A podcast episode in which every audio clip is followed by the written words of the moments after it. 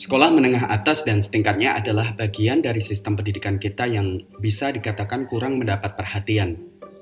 Jika dibandingkan dengan sistem pendidikan tinggi, sistem pendidikan dasar maupun sistem pendidikan menengah pertama.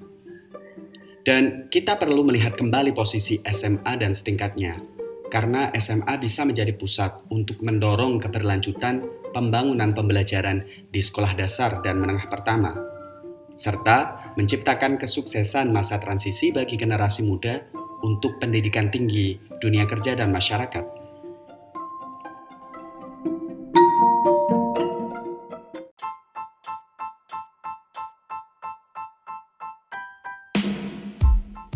Selamat datang di Reimagine High School. Saya Anwari dan ini papan tulis.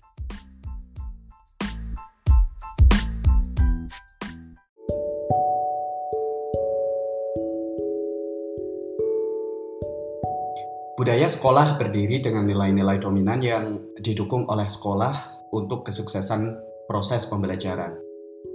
Pengembangan budaya sekolah seyogianya juga melihat dan fokus pada misi, komunikasi, inovasi, dan keberanian dalam pengambilan resiko serta komitmen yang kuat. Yang semuanya bermuara pada nilai bahwa sekolah untuk pembelajaran dan pembelajaran adalah proses pada episode kali ini saya akan ngobrol bareng terkait misi dan budaya sekolah dengan Nadia Tunikmah. Silakan Mbak Nad untuk memperkenalkan diri. Oke, uh, halo saya Nadia Tunikma, biasa dipanggil Nad atau Nadia. Saat ini saya berdomisili di daerah Sleman, Yogyakarta. Uh, profesi saya adalah dosen di Fakultas Seni Rupa jurusan Seni Rupa Murni Institut Seni Indonesia Yogyakarta di daerah Sewon, Bantul, Jogja pastinya. Sebagian besar di antara kita pernah atau sedang sekolah. Kita tidak begitu asing dengan visi dan misi sekolah karena sering kita lihat di dinding sekolah, kantor guru, dan seterusnya. Apa perspektif awal ketika mendengar misi dan budaya sekolah uh, kalau dibicarakan misi sekolah saat ini kalau saya saya saya melihatnya secara umum yang pertama adalah lu meluluskan lulus gitu loh. Anak-anak itu lulus dengan nilai baik. Itu misinya. Uh, mungkin kalau di breakdown sebenarnya nanti kita ada ada poin-poin nanti misalnya menjadi manusia yang seperti apa. Uh, ada poin-poin dari misinya Uh, tapi ya saat ini saya saya pikir saya selalu melihat kalau misalnya ketemu lulusan-lulusan SMA itu ya lulus itu adalah yang pertama. Sisanya uh, melewati proses bagaimana lulusnya itu ya ya masing-masing berbeda ya sekolah. Sekolah sekolah akan mempunyai uh, breakdown misinya yang berbeda. Garis-garis uh, apa secara umum garis, eh, garis besarnya adalah lulus. Tapi ya bagaimana lulusnya eh, nah itu yang yang sebenarnya saya juga bingung. Kadang-kadang selain misi dari lulus adakah misi lain? Gitu. Oke, berarti melihat kerangka yang bisa dilihat dari misi dan budaya sekolah yang ada sekarang kebanyakan yang penting lulus dalam tanda kutip masih kental dan terasa masih sekali ya, masih karena uh, saya akan melihatnya dari dari pengalaman saya sebagai dosen. Jadi satu yang saat yang selalu saya uh, saya akan ngomongin berulang kali sama mereka adalah salah tidak apa-apa dalam mengerjakan tugas dalam apa pun sebenarnya. Salah tuh nggak apa-apa asal diperbaiki karena beberapa banyak dari mahasiswa itu yang mereka takut salah sampai akhirnya nggak mau ngapa-ngapain. Uh, tugasnya nggak dikerjakan-kerjakan. Karena kalau ngomongin seni ya uh, kan ada tugas-tugas praktek nih tugas praktek yang memang harus dikerjakan mingguan. Jadi mereka takut salah. Uh, contohnya gini saya sudah bikin bu tapi sa salah jadi nggak saya bawa. Itu selalu ada tiap semester kalimat itu. Nah saya akan menjawab sudah bikin itu sudah benar. Salah itu kan menurutmu? Kenapa nggak dibawa biar kita bisa lihat salahnya di mana? Lalu kita bicarakan. Nah uh, ya salah satunya ya ini. Jadi mereka takut sekali salah. Padahal sebenarnya kalau mau saya namanya proses. Dalam proses belajar pasti ada ada ada poin ada ada titik-titik di mana mereka menemui kesalahan. Jadi sebenarnya nggak masalah asal diperbaiki saya coba tangkap budaya sekolah yang ada masih menekankan hasil tes dalam tanda kutip tadi lulus saja meskipun di visi sekolah kalimat tujuannya di atas hasil tes sebenarnya dan seyogianya pembelajaran adalah di prosesnya bukan hasil tesnya. Itu satu. Yang kedua, mahasiswa baru kebanyakan masih takut salah dalam mencoba ketika ada tugas. Padahal salah dalam percobaan itu bagian dari belajar. Melihat dua poin ini, adakah yang perlu ditengok lagi dengan penerjemahan visi dan budaya sekolah dalam hal ini SMA ke dalam pembelajaran yang mampu menghargai proses. Ya, uh, ya karena itu tadi ya, uh, karena mereka selalu berpikir lulus dengan nilai baik gitu ya.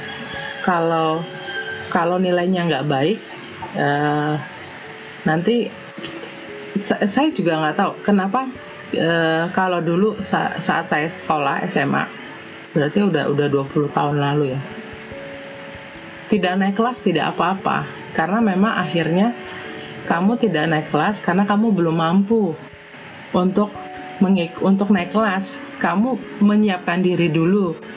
Ada ada mindset yang yang yang jadi berubah bahwa eh, sekolah sekolah itu adalah wadah untuk berproses kan. Nah itu berubah berubah wadahnya wadah eh, tujuan wadahnya berubah.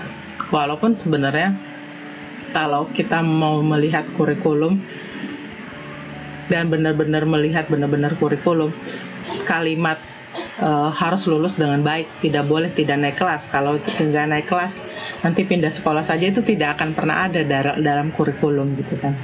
Lalu ada capaian-capaian yang juga tidak seperti itu. Tapi entah kenapa dibawanya sekarang menjadi seperti itu. Ya harus lulus. Harus lulus 100%. Kalau nggak sekolahnya nanti kayak jelek namanya. Tapi mereka tidak berpikir uh, apakah ini layak lulus. Karena kalau dipaksakan lulus, kalau dipaksakan lulus apakah dia nanti sanggup ke jenjang yang lain gitu.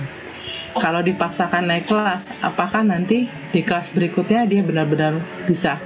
Jadi ada ada tahapan-tahapan sebenarnya misalnya kalau kita bicara kelas kalau sekarang uh, 10, 11, 12 gitu ya tahapan-tahapan yang memang uh, capaiannya kan beda-beda capaiannya beda-beda dan uh, sebenarnya kan berusaha contohnya sekolah berusaha menghilangkan uh, uh, stigma bahwa harus lulusnya angka itu berusaha menghilangkan stigma itu dengan mengubah rapot tidak berorientasi sekedar pada angka lalu pada ranking se seperti itu. Tapi ternyata memang belum bisa merubah pada dasarnya kalau kita bicara sekolah uh, karena saya orang tua juga uh, ada ada tiga tiga uh, yang terlibat itu tidak hanya anak dan uh, guru, tapi harus ada orang tua di situ. Orang tua juga harus mau mau belajar membaca, membaca kurikulum, mungkin dalam wadah bersama orang tua. Dan juga biar tahu anaknya itu masuk sekolah itu untuk apa. Kadang-kadang orang tuanya juga enggak. Jadi memang kalau ngomongin budaya sekolah harusnya enggak harusnya ya idealnya atau baiknya memang uh, orang tua juga memahami bahwa orang tua juga harus berperan jangan berperan pas saat anak saya nilainya buruk gitu ya tapi mau duduk bersama dan berbicara bersama dan guru juga mau mau. Tapi ya karena juga saya saya juga orang tua dan saya juga ngajar saya saya memahami bahwa uh, susah juga. Karena ini uh, kalau ngomongin budaya sekolah sebenarnya juga si orang tua ini juga menyumbang maunya sekolah yang seperti ini gitu. Jadi uh, keterlibatannya sebenarnya orang tua juga harus dilibatkan. Uh, anak-anak juga harus paham bahwa dia sesuai sesuai umurnya ya. Mereka tuh harusnya nggak uh, uh, harus mereka sebaiknya kalau sekolah capaiannya apa?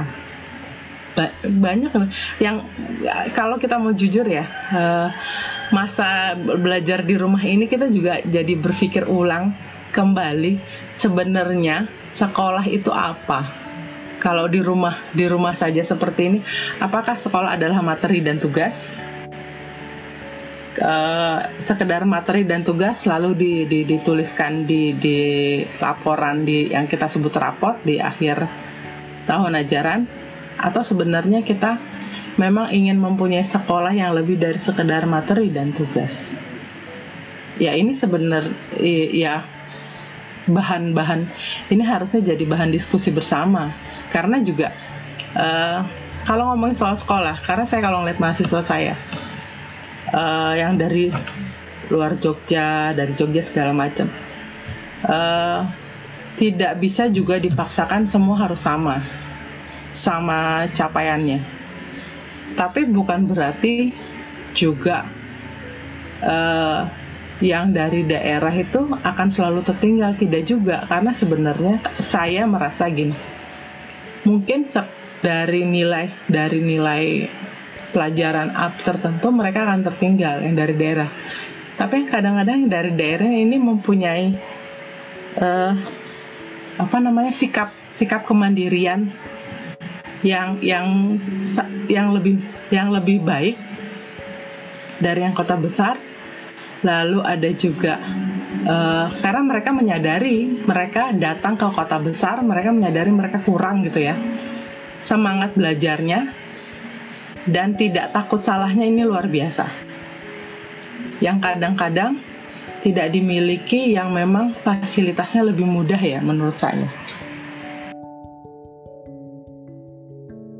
Orang tua siswa memiliki peran penting juga dalam membangun visi dan budaya sekolah yang mendukung pembelajaran. Adalah satu poin yang perlu dipertimbangkan ketika berbicara tentang visi dan budaya sekolah adakah elemen lain selain yang disebutkan tadi?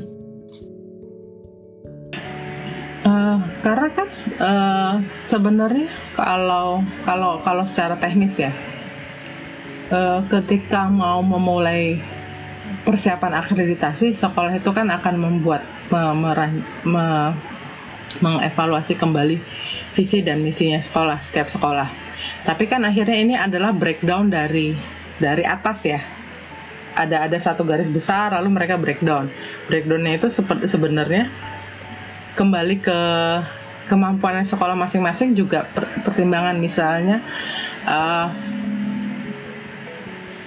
uh, sekolahnya ada di daerah mana gitu kalau sekolahnya yang di kota di tengah kota sama yang di pinggiran itu mesti akan mempunyai visi dan misi yang uh, berbeda walaupun sebenarnya uh, bahasanya bahasanya aja yang beda kadang-kadang sebenarnya uh, tujuannya hampir sama. Lalu, nah ketika menjalankan visi dan misi ini akhirnya kalau menurut aku fasilitas sekolah, uh, guru-guru, lalu kembali ke di atasnya ada dinas dan segala macam, lalu kembali di lingkungan sekitarnya orang tua juga berperan. Ada ada ada ideal yang misalnya ditawarkan dalam kurikulum yang dicapai-capaiannya tapi akhirnya memang ketika kurikulum ini dikelola uh, oleh oleh pihak sekolah karena orang-orang yang mengelola ini adalah orang-orang dan akhirnya memang ada subjektivitas sendiri kadang-kadang kan jadi ngeliat oh kalau dari sekolah ini kayak misalnya gini uh, anakku uh, anakku yang paling besar ini SMK cowok SMK uh, eh, de dekat rumah. SMK negeri dia ngambil jurusan boga. Lalu dia bertemu dengan teman SMP-nya yang ngambil SMK tapi di tengah kota. Ada ada ada ada apa namanya? Uh, karena fasilitas uh, tempat praktek di sekolahnya berbeda dengan temennya, fokus sekolahnya uh, berbeda dengan yang fokus yang lain. Kalau SMK bisa seperti itu ya, tergantung labnya. Kalau SMA ini yang yang sebenarnya uh, kalau SMA kalau aku bilang sih kembali ke gurunya juga lalu akhirnya orang tua kalau bicara breakdown visi dan misi itu ya satu pihak orang tua siswa dua siswa dengan background mereka tiga guru dengan background mereka empat stakeholder pelaksana pendidikan dan lingkungan sekitar sekolah jika melihat empat faktor tadi dengan variasi elemen yang ada. Garis seperti apa yang perlu digambar agar suara dari elemen-elemen ini bisa tertampung secara cukup dan efektif? Uh, pada dasar sebenarnya satu uh, uh, sekolah itu untuk sekolah ya sekolah yang sudah berdiri lama sebenarnya kan mereka sudah punya punya uh, kalau kita bisa bilang budaya budayanya sendiri yang tidak itu juga sebenarnya orang tua juga harus paham ketika memasukkan anaknya ke sana. Jadi kalau memang uh, uh, tidak sesuai dengan bayangan dia, dia nggak nggak nggak nggak nggak baik memaksakan begitu nyampe sana gini. Ya kayak ibarat apa ya ibarat pepatah di mana bumi dipijak di sana langit dijunjung itu menurut saya juga berlaku di, orang tua tidak bisa. Orang tua se makanya sebenarnya sebelum kadang-kadang sebenarnya jadi alasan. Soalnya nggak bisa milih sekolah. Hanya harus lokasi ini gitu ya. Harus lokasinya di sini gitu sistem rayon.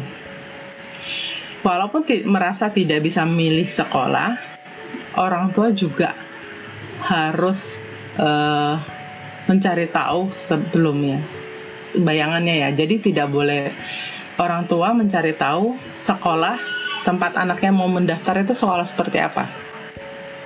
Oke, okay. uh, mencari tahu. Uh, kalau sekarang pertama biasanya kita lihat webnya ya. Di web itu jelas biasanya sekolah akan menjelaskan uh, visi dan misinya, mereka punya fasilitas apa gitu. Orang tua tuh harus memahami, mau mau baca itu loh. Nanti uh, kalaupun itu tidak ideal seperti bayangannya, tapi karena dia harus mendaftar di sana sesuai dengan apa namanya rayon atau uh, sistem PPDB itu, orang tua setidaknya sudah punya bayangan. Lalu mendiskusikan ya kalau SMA pasti bisa ngajak anaknya diskusi, karena itu yang saya lakukan. Uh, kita cari tahu, oke okay, dia sepakat di situ, uh, kita berdiskusi, kita berdiskusi lalu kan uh, saat daftar uh, kita juga bisa lihat guru-gurunya kan. Uh, uh, sekolah oh salah satu yang menarik dari sekolah anak saya saat saya mendaftar adalah orang tua tidak boleh mengantri untuk anaknya. Ketika apa karena dia masuknya sebelum ada pandemi ya jadi tidak ada tuh yang nama tidak ada kita masih harus mengantri untuk uh, apa ya waktu itu verifikasi berkas kalau nggak salah. Jadi uh, saya ngantar anak saya uh, dan seperti biasa karena itu saya saya cuma nungguin mengawasi dan dia mengantri sendiri. Lalu ada beberapa orang tua yang dia ngantri. Nah, begitu sampai di meja nomornya orang tuanya nanya, e, anaknya mana pak? Di sana yang mau sekolah bapaknya apa anaknya anaknya anaknya yang disuruh ngantri ya jadi anaknya dia yang diminta mengurus berkas-berkasnya itu itu buat buat buat saya itu adalah catatan baik berarti orang tua eh sekolah menghargai anak ini sebagai satu individu uh, yang siap diajak bertanggung jawab untuk uh, kepentingan dirinya. Nah orang tua harus uh, saya sebagai orang tua. Nah dari situ, nah dari situ lalu kan nanti akhirnya ke ketika sekolah mau ini kalau di sekolah anak saya saya akhirnya ngambil contoh sana. Ada satu forum orang tua kayak kita dikirimin kuesioner kalau mereka apa nanti hasil kuesionernya juga diumumkan. Apalagi teknologi sekarang ada grup-grup sekolah itu ya. Jadi ya dari masukan-masukan situ sebenarnya. Akhirnya memang orang tua juga harus proaktif. Orang tua nggak boleh proaktif hanya ketika dia merasa kok nilainya jelek komplain tuh nggak boleh. Tapi sebenarnya proaktif untuk semua tahapan yang memang diminta. Karena kalau memang kalau menurut saya SOP-nya sekolah itu adalah memang mereka juga mem, e, mengajak orang tua gitu loh. Tapi e, dalam batas-batas tertentu. Untuk tapi tidak tidak yang memang e, masih belum tahu mau apa tuh orang tua diajak pembukaan tidak.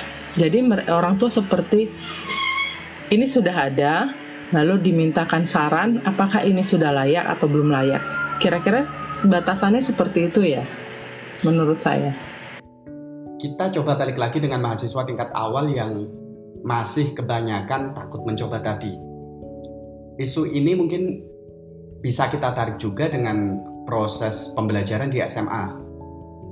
Jenjang sebelum mereka masuk pendidikan tinggi yang bisa kita temukan terkadang banyak tulisan maupun pendapat mengajukan pertanyaan tentang efektifkah pendidikan di SMA untuk siswa agar benar-benar berani belajar dengan proses.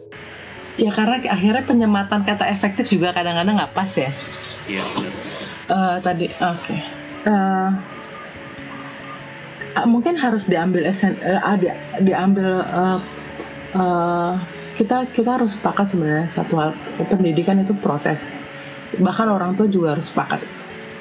Uh, proses yang uh, ya kalau mau berproses kan sebenarnya harus ada tujuan. Proses ini untuk tujuan apa gitu ya. Kalau nggak ada tujuan ya susah juga mau menjelaskan mau prosesnya bagaimana. Nah uh, yang akhirnya kalau ngomongin efektif itu uh, hari ini juga berbicara uh, kalau saya bilang kalau efektif itu adalah kalau hari ini. Hari ini di semua orang berasa terlihat apa namanya produktif tapi nggak efektif itu ya dengan teknologi komunikasi digital.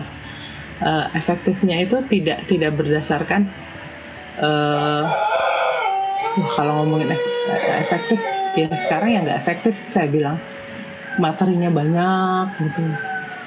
Uh, apakah tugas-tugas pemberian tugas itu efektif nggak juga? Kalau kalau untuk uh, apa ada perimbangan.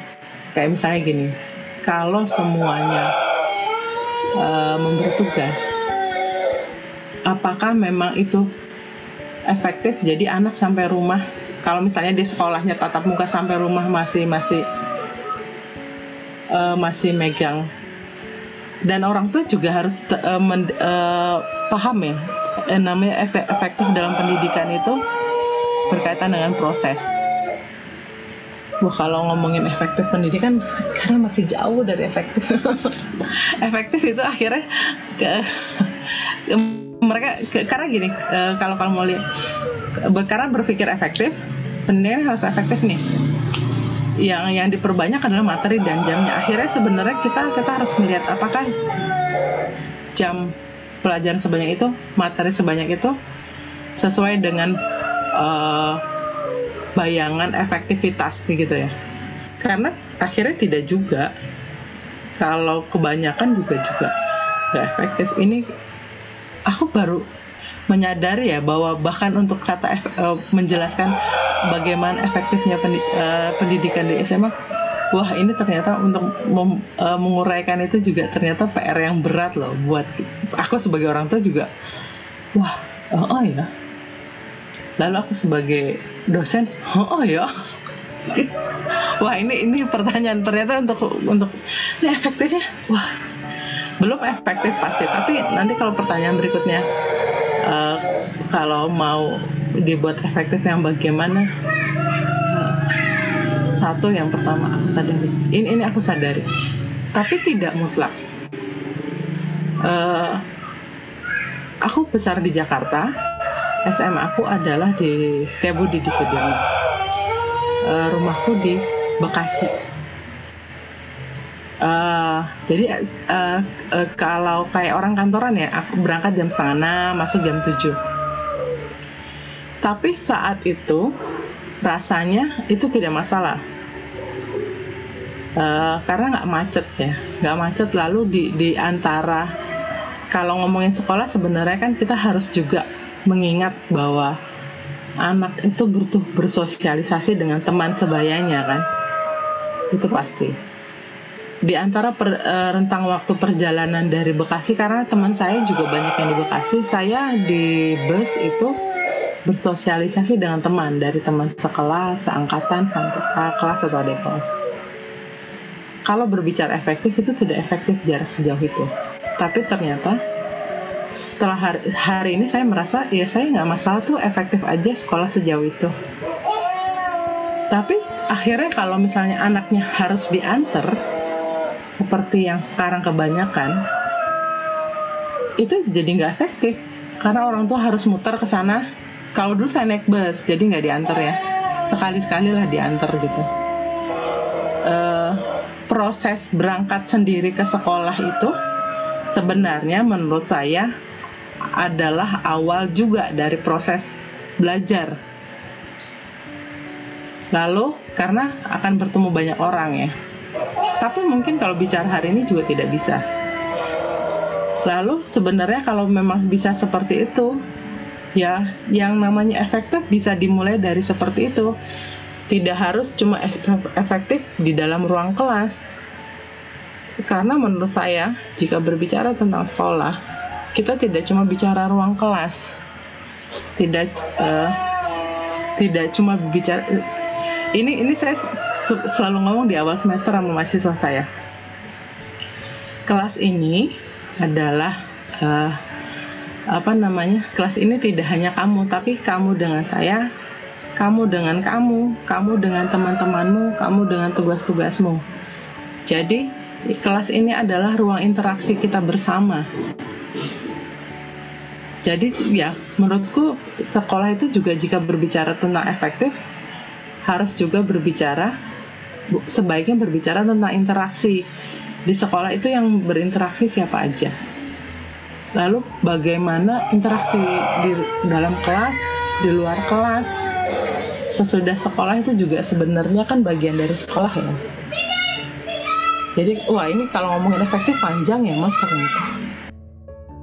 Berarti sebelum melihat efektif atau tidak efektif kita perlu bertanya what is education for iya itu benar itu itu sebenarnya yang kita harus bertanya untuk diri kita semua ya hari ini. Iya benar. Terutama di masa pandemi ini loh, saya saya karena saya ingat uh, saya hari ini sebelum berangkat uh, ke kampus kemarin saya jadi guru bahasa Inggris dan guru untuk anak saya yang SD, guru bahasa Inggris untuk anak saya yang SMA. Hari ini saya jadi dosen, gue bilang. Jadi kalau ngomongin ya education for ya di tengah tumpang tindihnya kalau di rumah ya akhirnya kalau ngomongin pendidikan hari ini dengan situasi harus uh, di rumah masih berapa bulan lagi ini kan akhirnya tumpang tindih dan mungkin sebenarnya ini momentum buat kita semua orang tua sudah merasakan tuh mendidik anak uh, mendidik mendidiknya bukan mendidik yang itu loh mendidik anak materi sekolah mengisi waktu proses belajarnya tidak mudah Oke, mari kita bicara duduk gitu loh. Itu ini momennya. Karena orang tua juga saya uh, saya dan suami selalu menetapkan ini kalau orang tua yang gampang protes dikit-dikit protes terus di sosial media tentang sekolahnya kok gini sekolahnya kok gini kan aku udah bayar. Ya nggak gitu juga kali gitu. Jadi sebenarnya PR kita dimulai dari uh, kita butuh sekolah itu untuk apa sih? Itu sih sebenarnya dimulai dari situ. Sebagai dosen yang mengampu mahasiswa tingkat awal yang masih bisa belum lepas dengan cara berpikir SMA dalam tanda kutip, apa yang perlu setiap unit SMA lakukan dalam upaya mendorong budaya sekolah untuk pembelajaran yang menghargai proses?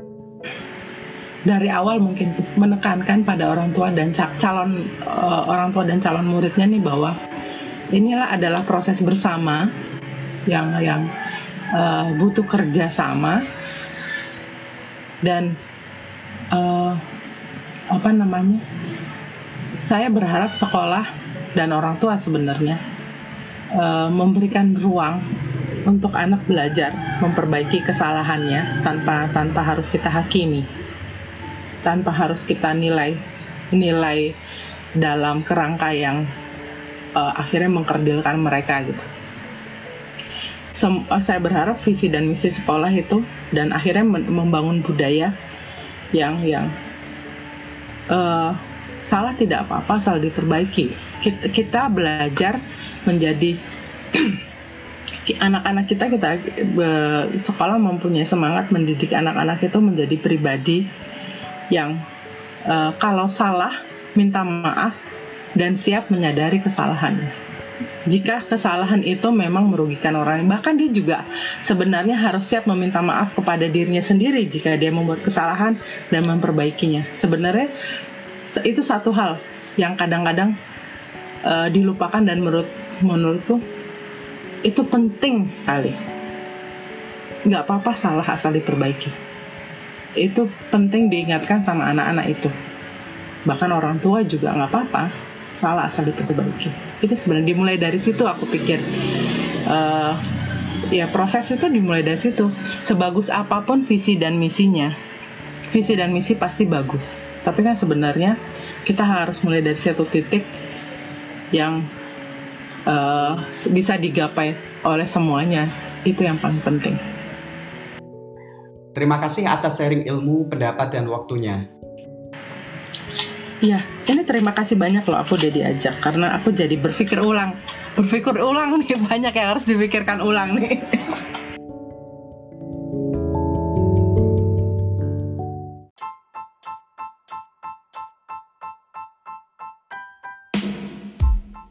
Terima kasih sudah mendengarkan Papan Tulis. Anda bisa mendengarkan episode-episode lain dari Papan Tulis di platform Spotify dan Apple Podcast dengan searching Papan Tulis.